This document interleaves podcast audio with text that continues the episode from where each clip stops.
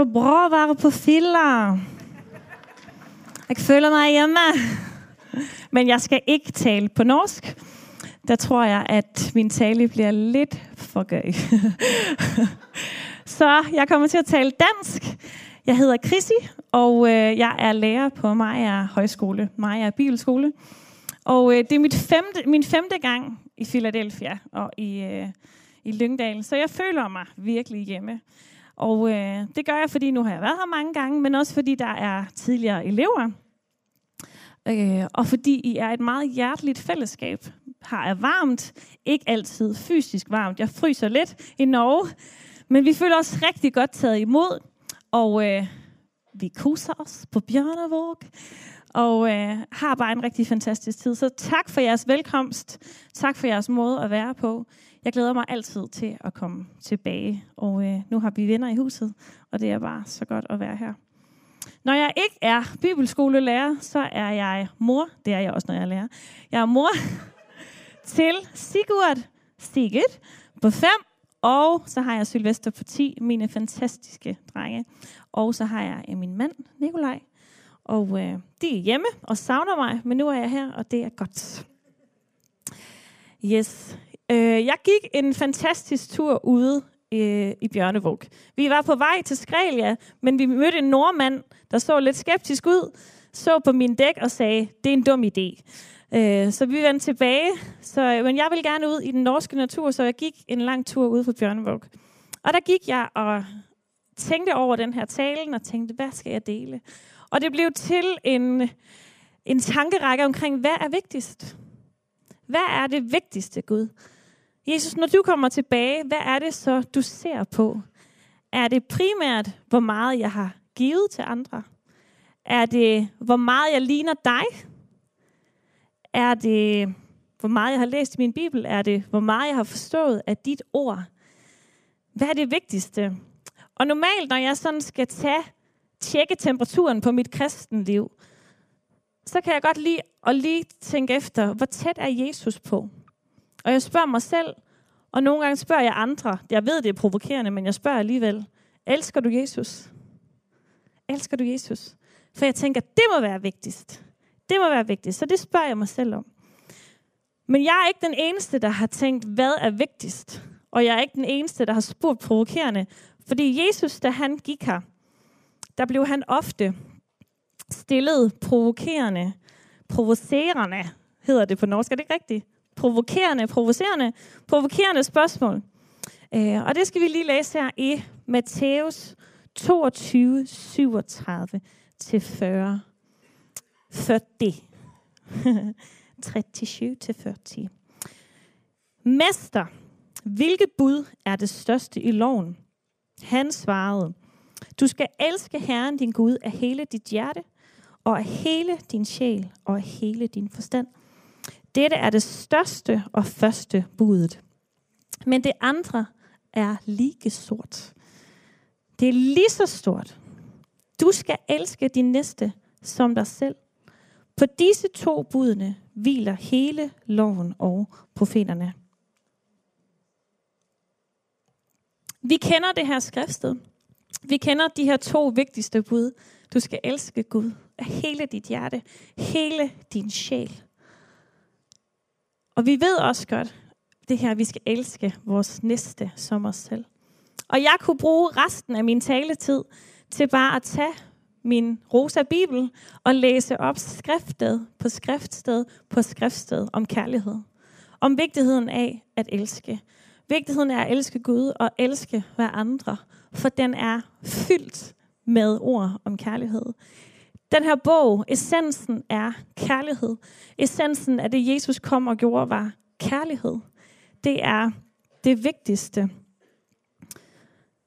Men jeg vil rigtig gerne tage fat i et af de her skriftsteder, og det er 1. Peter 4, 7-8.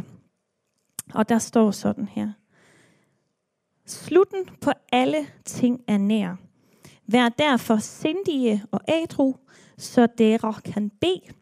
Frem for alt skal dere elske hverandre inderligt, for kærligheden skjuler en mængde synder. Jeg kunne godt have nøjes med at tage vers 8 med og bare sagt, I skal elske hinanden, hver andre, for kærlighed skjuler en mængde synder. Men jeg har taget vers 7 med. Fordi der står, vil du tage den tilbage til? Tak. Der står, vær sindige og ædru. Vi kan tit tænke, at det vigtigste må være, at vi er syndfri. Det vigtigste må være, at vi lever ret. Det vigtigste må være, at jeg har mit på det rene over for Gud. At jeg er en god kristen. Det må være det vigtigste. Og man kan sige, det er måske ikke alles udfordring at være ædru, men jeg ved, at vi alle kender vores største fristelser. Vi kender alle vores, vores yndlingssynd. Det er et dårligt ord, men jeg tror, vi alle sammen har en. Vi kender den godt, og vi ved godt, okay, hvis jeg lader være med det her og det her, så er jeg nok på ret kurs, så er jeg den rigtige kristen. Men så kommer vers 8. Frem for alt. Frem for alt. Det er det vigtigste. Frem for alt skal I elske hinanden inderligt. For kærligheden skjuler en mængde af synder. Vi er blevet elsket, selvom vi er synder. Det hører vi igen og igen, og vi ved det. Men det er så sjældent, at vi formår at give den kærlighed videre. Vi har ofte fokus på synd, og ikke kun i vores eget liv, men også i andres. Vi måler vores synd med andres og tænker, er jeg en lidt bedre kristen end dem, så er det nok godt. Men ofte har vi også travlt med at se på andre menneskers synd og sige, hmm, du har ikke helt styr på dit liv. Der er ting, som er galt. Men vores kærlighed skal være som Guds kærlighed. Den skal fagne, den skal rumme. Vi skal se på hinanden. Og ja, nogle gange må vi være konfronterende. Nogle gange må vi pege på synd i andre menneskers liv. Men ikke særlig ofte. Som oftest skal vi elske. Altid skal vi elske, men som oftest skal vi elske uden ord. Og følges med hinanden, og rumme hinandens synder, og dække over hinanden med vores kærlighed til hinanden. Romerne 8.1 siger, at der er ingen fordømmelse for dem, som tilhører Kristus Jesus. Vi er fri.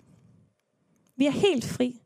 Men den frihed skal vi også bruge til at være med til at sætte andre mennesker i frihed. Den frihed må vi overføre på vores relation til andre mennesker. Vi må møde folk med den frihed, vi er blevet givet, og invitere dem med ind i den frihed. Så jeg tror på, at vi alt for ofte har for meget fokus på synd. Og det er måske farligt at sige. Måske du tænker, men vi skal da ikke synde. Vi skal da have fokus på ikke at synde. Ja, men der er noget, der kommer først. Guds kærlighed til os kommer først. Det er fundamentet, at han har elsket os. Og det må være vores fundament, når vi møder hinanden. Jeg elsker dig. Jeg elsker dig. Jeg tænkte på det her i lovsangen.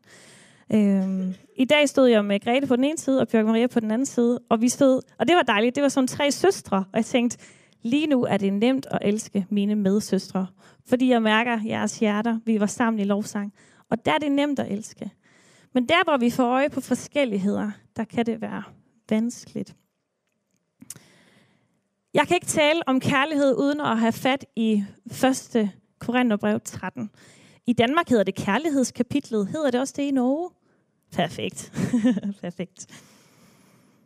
Fordi en anden ting, vi kristne ofte har fokus på, vi har for meget fokus på synd, men vi har også meget fokus på vores tjeneste.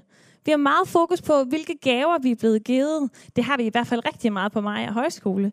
Hvilke gaver, hvilke evner er du blevet givet, og hvordan skal du bruge dem?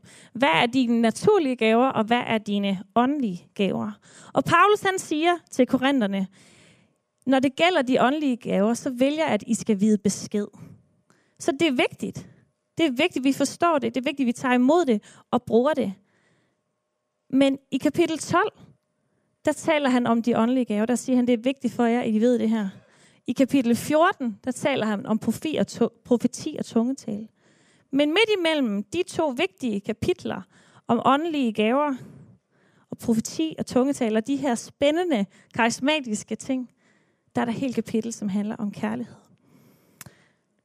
Han slutter kapitel 12 i vers 12 og vers 31. Der der siger han, søg blot efter nådegaverne, men lad mig først vise jer noget, som er større end alt andet. Så han har lige vagt deres interesse. Hey, kom venner, vi skal være profetiske. Vi skal bede for hinanden, vi skal tale over hinanden, vi skal opleve mirakler. Det skal blive fantastisk. Men først er der noget, der er større end alt andet. Jesus han gør det samme på et tidspunkt. Han laver sådan en plot twist. Han siger til sine disciple, det er bedre for jer, at jeg går bort. De må have tænkt, hvad? er du skør? Er du rar? Hvordan kan noget være bedre, end at gå med dig, Jesus? Måske Korinther-menigheden har haft det på samme måde. De har lige hørt om de spændende åndelige gaver. Wow, spændende. Det vil vi gerne. Og så siger han, men der er noget, der er større. Hvad kan være større? Og så kommer kærlighedskapitlet. Og jeg vil gerne læse fra 1. Korintherbrev 13, vers 1-7. Og jeg vil udfordre jer til at lytte, ikke kun med ørerne, men med hjertet. Fordi det her er et af de skriftsteder, vi kender så godt. Så nogle gange så kan det være svært at helt at lytte, fordi oh, vi kender det. Men prøv igen at åbne jeres hjerter og jeres ører for det her. Om jeg taler med menneskers og englers tunger, men ikke har kærlighed, der er jeg bare drønnende malm eller en klingende bjælle. Om jeg har profetisk gave, kender alle hemmeligheder og ejer al kundskab. Om jeg har al tro, så jeg kan flytte fjeld, men ikke har kærlighed, der er jeg intet. Intet. Om jeg giver alt, jeg ejer, til brød for de fattige, ja, om jeg giver mig selv til at brændes, men ikke har kærlighed, der har jeg ingenting vundet. Kærligheden er tålmodig. Kærligheden er velvillig. Den misunder ikke, skrider ikke, er ikke hårdmodig. Kærligheden krænker ikke, søger ikke sit eget. Den er ikke opfarende, og den gemmer ikke på det onde. Den glæder sig ikke over uretten, men har sin glæde i sandheden. Kærligheden udholder alt, tror alt, håber alt, tåler alt. Når jeg læser om den kærlighed, så ved jeg, at det er den kærlighed, Gud han er. Og så bliver jeg så taknemmelig. Wow. Gud, du er så tålmodig med mig. Vi synger, stor er din trofasthed. Han er så tålmodig med os. Han er så god. Han har tid nok. Men når jeg så tænker på folk omkring mig og tænker, den kærlighed skal jeg vise, py, det er udfordrende. Det er udfordrende. Tålmodig, velvillig, misunder ikke, skryter ikke, er ikke hårdmodig, krænker ikke, søger ikke sit eget, og så videre, og så videre. Vi står over for en stor udfordring med den kærlighed, men vi må forstå det, fordi at det er det vigtigste, der står frem for alt. Størst er kærligheden. Så kærligheden er større end de åndelige gaver. Kærligheden er større og vigtigere end vores tjeneste. Kærligheden dækker over synd. Til slut i 1. Korintherbrev 13, vers 34, der siger Jesus, et nyt bud giver jeg jer. I skal elske hver andre. Som jeg har elsket jer, skal I elske hver andre. Ved dette skal alle forstå, at I er mine disciple, at I har kærlighed til hinanden. Hov, jeg tror, jeg kom til at skippe noget her. Jeg hopper. Jeg hopper lige lidt tilbage. Vi skal lige have det sidste vers med i 1. Korintherbrev 13. Så må jeg lige åbne min bibel. Så får jeg det lige på dansk. Er det okay? Det er næsten det samme. Men måske den er på sliden. Ja, den er jo der. 1. Korintherbrev 13. Okay, det er så ikke vers 1-7. Det er det sidste vers. Så bliver de stående, disse tre. Tro, håb og kærlighed, men størst blandt dem er kærligheden. Vi forstår vigtigheden af tro. Jeg tror også til dels, vi forstår vigtigheden af håb. At Jesus, han er vores håb. Og at vores tro er den, som frelser. Der er bare det med tro og håb, at du kan sidde derhjemme alene og tro. Du kan sidde derhjemme alene og håbe. Du kan ikke sidde derhjemme alene og elske. Kærligheden er aktiv. Kærligheden skal have handling på. Kærligheden skal vises til andre mennesker i aktion. Du må række ud. Du, du kan godt sidde derhjemme og have en varm følelse. Selvom min mand ikke er her, så elsker jeg ham mindst lige så højt, når jeg er i Norge, som når jeg er hjemme hos ham. Men når jeg kommer hjem, så må jeg vise min kærlighed. Jeg kan ikke bare derhjemme og tænke, jeg går ind på soveværelset, og du ved, jeg elsker dig. Det er fint. Nej, jeg skal hjem og lave god mad, for han kan ikke lave mad. så han savner min madlavning. Men vi kan sidde hjemme og tro og håbe, men vi kan ikke sidde hjemme og, og elske. Og derfor er kærligheden større, fordi den kræver noget af os. Det kan være nemt at tro nogle gange, og nemt at håbe, men det er virkelig ikke let at elske.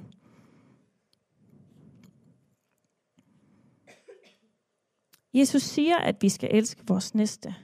Han siger også, at vi skal elske vores fjender. Og det er også en udfordring, og den kender vi. Og måske de færreste af os har fjender. Men har vi en fjende, der kender vi Guds ord. Jeg skal elske. Men det, hvor han, der hvor Jesus lægger størst vægt på kærligheden, det er den kærlighed, vi skal have til vores kristne brødre og søstre. Det er det, han taler allermest om. Han siger, gør godt mod alle, men især mod dem, du er sammen med i troen. De vigtigste mennesker i dit liv er i det her rum. Det er dem, du først skal elske. Du har ansvar for din familie, men Gud han lægger så meget vægt på den indbyrdes kærlighed, vi har i menigheden. Og nogle gange, så er det nemmere at række ud til fremmede. Nogle gange er det nemmere at elske ikke-kristne, end dem, som er i kirken, dem som vi ser hver søndag, eller hver onsdag, eller hvornår vi er i kirken. Men det er vores første ansvar. Og der så oplever jeg, at Gud har lagt på mit hjerte at, at tale lidt om, når kærligheden i menigheden bliver udfordret. En af de største forhindringer for at elske andre, det er, når vi holder på vores ret. Jeg har ret til at være sint. Jeg har ret til at være såret. Jeg har ret til at være fornærmet. Og udfordringen med et fællesskab, med kirkefællesskab, er, at når man vandrer sammen længe, så får man en fælles forståelse for, hvad man har ret til. Man får en fælles forståelse for, hvor meget vi kan rumme. Man får en fælles forståelse for, forståelse for hvem vi har kærligheden nok til, hvilke handlinger, der kan tilgives. Vi får en form for status quo i vores fællesskab. Og kærligheden vil altid udfordre status quo. En kærlighed, der skal række ud til vores fjender, udfordrer virkelig status quo. Men en kærlighed, der skal rumme kristne medsøskende, der sårer os, er endnu mere udfordrende. For år tilbage, der var jeg i en kirke, hvor jeg oplevede, der var en kvinde, som fra dag et ikke kunne lide mig. Og jeg ved ikke hvorfor. Jeg satte mig ned og talte med hende, øh, fordi jeg forventede, at vi havde meget til fælles. Og kunne mærke modstand fra dag et. Og jeg vidste ikke, hvad det handlede om. Men det var en stor udfordring. Og øh, til at begynde med, så tænkte jeg, jeg må elske hende. Vi må blive gode venner. Det er løsningen på alt. Vi bliver venner. Og jeg forsøgte. Og vi, vi så hinanden privat, og vi prøvede. Men der var bare modstand. Og jeg kunne bare mærke, hun kunne ikke lide mig. Og jeg forsøgte virkelig. Og øh, så på et tidspunkt, så, øh, så bliver hun overbevist om noget, som jeg har gjort forkert, og som min mand har gjort forkert. Og hun er så overbevist, at hun sender en mail, en øh, e-mail til vores præster. Øhm, og, øh, og i den mail, der taler hun ondt om mig, om min mand, og om flere i, øh, i den tjeneste, hun var leder for. Meget frimodigt, meget selvsikkert. Hun var overbevist om, at hun havde ret. Og, øh, og jeg var selvfølgelig såret. Jeg synes, det værste var, at hun talte grimt om min mand, for min mand er fantastisk. Du må godt tale grimt om mig, men ikke om min mand. og, øh, og vi mødtes, og vi prøvede at tale tingene ud sammen med præsten, men, men det lykkedes ikke. Der var, der var ikke kærlighed, og det blev rigtig grimt. Og så, så havde jeg, jeg har ret. Jeg har ret til at være sindt. Jeg har ret til at være fornærmet. Jeg har ret til at være såret. Og der gjorde jeg ikke det rigtige. Fordi jeg følte, jeg havde ret til at tale med andre om, hvad hun havde gjort. Jeg følte, jeg havde ret til at advare imod hende. Jeg følte, jeg havde ret til at sige til folk, at de ikke skulle gå ind i den tjeneste, hun ledte, fordi hun ikke var et godt menneske. Jeg følte, jeg havde ret til det. Og på, på menneskelig, menneskeligt set, så havde jeg ret til det. For hun havde gjort mig ondt. Hun havde talt ondt. Hun havde talt forkert om mig og min mand og om mange af dem, som jeg var leder for som ungdomspræst. Men vi har ingen ret til at tale ondt. Vi har ingen ret, ret til at holde ondt mod andre. Vi har kun ret til at vise den kærlighed, den tålmodighed, som Gud han har vist os. Og jeg har måttet øh, på knæ og sige, undskyld Gud. Jeg har måttet bede om tilgivelse. For jeg gjorde ikke det, som var rigtigt. Men det er svært, for vi føler tit, at vi har ret.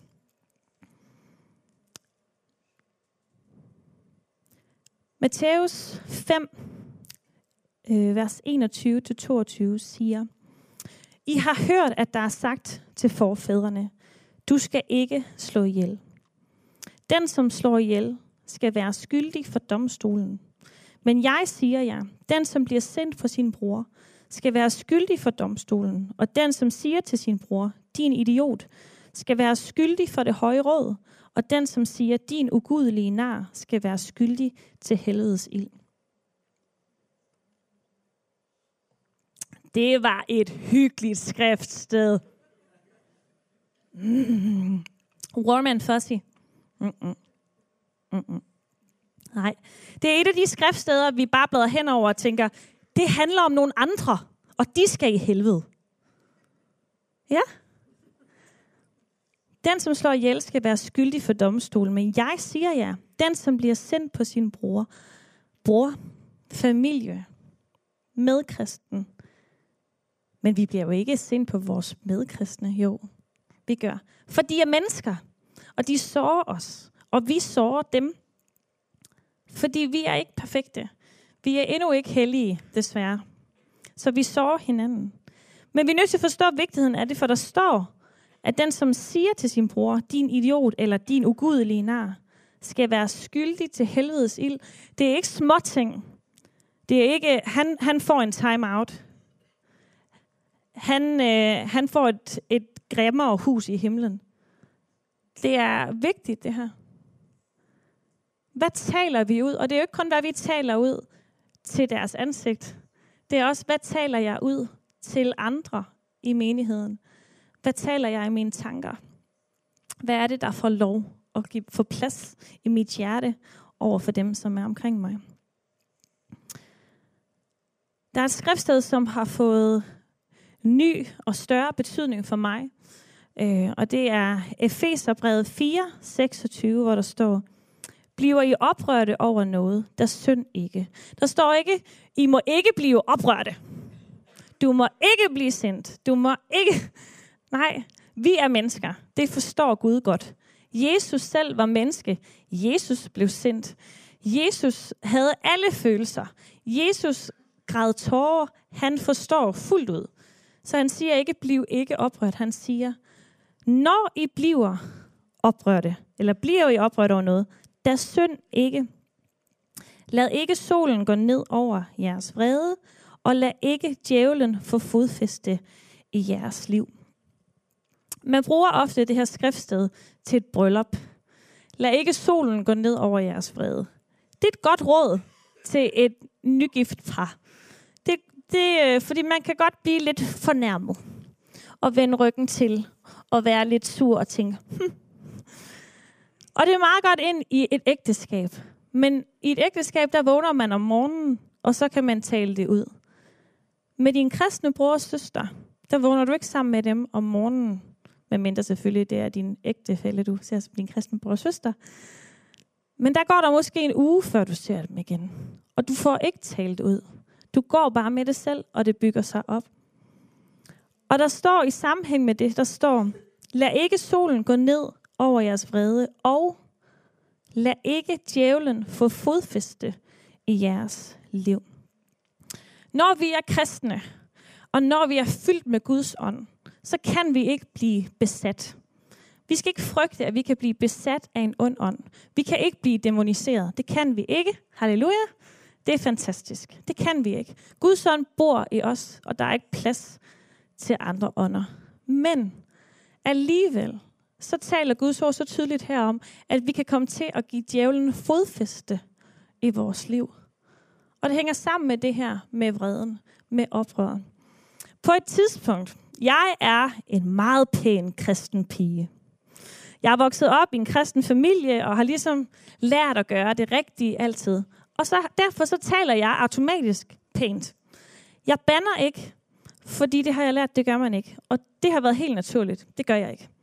Men for et, jeg ved ikke, to år siden måske, så begyndte jeg at bande. Og jeg tænkte, hvad sker der? Og det var ikke bare sådan en slang, når jeg var glad. Det var, det var det første ord, der kom. Det var sådan, jeg tænkte. Og jeg, og jeg kunne ikke finde ud af præcis, hvad jeg var, egentlig var sendt over. Men jeg kunne bare mærke, at de her ord fik plads. Og, øh, og jeg tænkte, der er noget galt. Der er noget galt. Det er ikke bare mig, som har været sammen med nogle ikke-kristne, og så har de lært mig nogle grimme ord. For pludselig så boede de her ord på indersiden. Det kom ikke udefra, det kom fra mig. Og det skræmte mig. For jeg kender Guds ånd. Jeg har oplevet Guds kærlighed. Jesus bor i mig. Hvorfor var der så plads til så grimme ord? Og jeg tænkte, hmm, der er noget galt. Men Gud er god. Fordi på det tidspunkt læste jeg teologi, og i en bog, der, der øh, beskrev han det her med fodfæste. At når vi giver fodfæste, så kommer hans tankegang ind. Når vi ikke giver slip på vrede, giver slip på fornærmelse, giver slip på de her negative følelser, så giver vi plads for ham. Og jeg tænkte, men Gud, jeg er da ikke vred på nogen. Jeg er ikke sendt på nogen. Jeg er ikke fornærmet. Jeg tænkte, hvor har jeg gjort det her? Så jeg gik på knæ, og jeg sagde, Gud, vis mig. Hvor har jeg givet fodfæste for djævlen? Hvad er det, der er gået forkert? Og så sagde han et ord. Selvmelidenhed. Og jeg tænkte, er det nu en synd? Selvmelidenhed. Og min historie er, at jeg har haft et forløb med stress, som jeg ikke tog seriøst, og derefter fulgte en periode med depression. Og efter det, jeg gik ud af tjeneste, jeg trækkede mig lidt tilbage fra alting, jeg engagerede mig ikke så meget socialt, som jeg tidligere har gjort, og jeg passede rigtig godt på mig selv. Tidsånden siger, du skal passe på dig selv. Tidsånden siger, du skal gøre det, der er godt for dig selv. Tidsånden siger, slap af, du behøver ikke gøre en masse. Men tidsånden siger også, det er synd for dig. Og den havde jeg købt, den løgn. Det er synd for mig. Det er synd for mig. Det er synd for mig. Jeg skal passe på mig selv. Jeg skal ikke engagere mig for meget, for jeg kan blive stresset igen. Men jeg begyndte også at se, hvordan selvmedlidenhed betyder, at jeg kun ser på mig selv. Min kærlighed rakte kun til mig selv. Min kærlighed rakte ikke særlig langt uden for mig selv, fordi jeg var blevet såret. Jeg havde været nede og ligge. Jeg var blevet ramt af livet.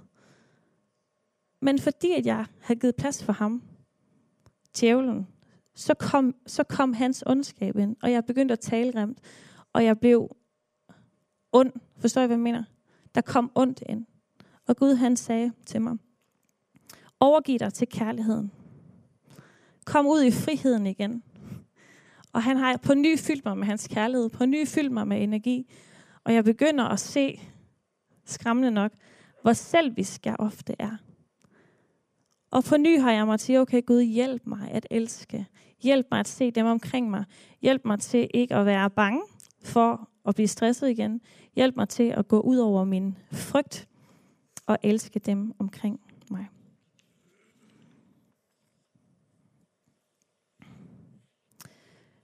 bitterhed og utilgivelse og alt, hvad der går imod sand kærlighed, kan blive et fodfæste for djævlen. Og han er sneaky. Det ved jeg simpelthen ikke, hvordan man siger det på norsk. Han er en lyring. Han er snu. Vi ser det ikke komme. Jeg havde ikke set det komme. Pludselig så jeg bare konsekvensen. Pludselig lagde jeg mærke til, at der er noget her, som er helt galt. Og når vi ser det, så må vi stoppe op og sige, Gud, kom med din kærlighed. Kom med din sandhed. Kom med dit lys og vis mig, hvordan kan jeg omvende mig? Hvordan kan jeg få komme på ret kurs med dig og med din kærlighed? Jesus er det bedste eksempel på alt. Jesus var menneske, Jesus levede, Jesus havde følelser, Jesus blev sendt. Og øh, det bedste skriftsted at afslutte med her, synes jeg, er Filipperne 2, vers 1-8. Fordi det handler om vores fællesskab, men det handler også om ham. Det handler om, hvordan at vi kan se mod ham. Så jeg vil gerne læse det op. Filipperne 2, vers 1-8. Og det er fra den danske bibel, men jeg tror, I, I skønner. Betyder det noget for jer at blive mindet om, hvad Kristus har gjort for os? At blive trøstet og opmuntret? At opleve åndens fællesskab og at mærke den indbyrdes kærlighed og omsorg? Hvis de ting betyder noget for jer, så gør min glæde fuldkommen ved at praktisere dem. Jeg vil gerne lige stoppe der. Betyder det noget for dig at blive trøstet og opmuntret? Betyder det noget for dig at opleve fællesskab, åndens fællesskab, og mærke den indbyrdes kærlighed og omsorg? Mens vi stod under lovsang, der oplevede jeg, at Gud han sagde, at der er nogen her, som har mere brug for at mærke menneskers omsorg end Guds. For de kender Guds omsorg. De kender Guds kærlighed. Der er nogen i den forsamling her, som kommer og længes allermest efter at blive set og elsket af mennesker. For de kender Gud, de kender Guds kærlighed, men de trænger så meget at mærke det for dem omkring. Og jeg oplever, at Gud udfordrer jer til at ryste status quo for, hvem der kan blive elsket, hvem der kan blive rummet. Hvis de ting betyder noget for jer, så gør min glæde fuldkommen ved at praktisere dem. Stå sammen i kærlighed og vær et i sjæl og sind. Gør intet ud fra selviske motiver. Huh, Jesus. Kan vi skifte den sætning? Nej. Jeg bruger den meget i mit liv som pejlemærke. Gør intet ud fra selviske motiver. Det er vanskeligt. Det er vanskeligt. Eller personlige ambitioner. Vær ydmyg. Se op til hinanden, så I giver andre mere ære end jer selv. Sørg ikke bare for jeres egne behov, men tænk også på de andres. Lad Jesus Kristus være jeres forbillede. Efterlign hans indstilling. Han var lige med Gud og havde ret til at fastholde den lighed. Han havde ret til det. Dog gjorde han ikke krav på sin ret, men gav afkald på sin guddomsmagt. Tog tjenerskikkelse på og blev menneske. Som menneske ydmygede han sig og accepterede den værste død, døden på et kors. Han var lige med Gud og havde ret til at holde fast i den guddomsmagt. Men han gav slip på den. Han sagde, jeg overgiver mig til kærligheden. Jeg overgiver mig til kærligheden.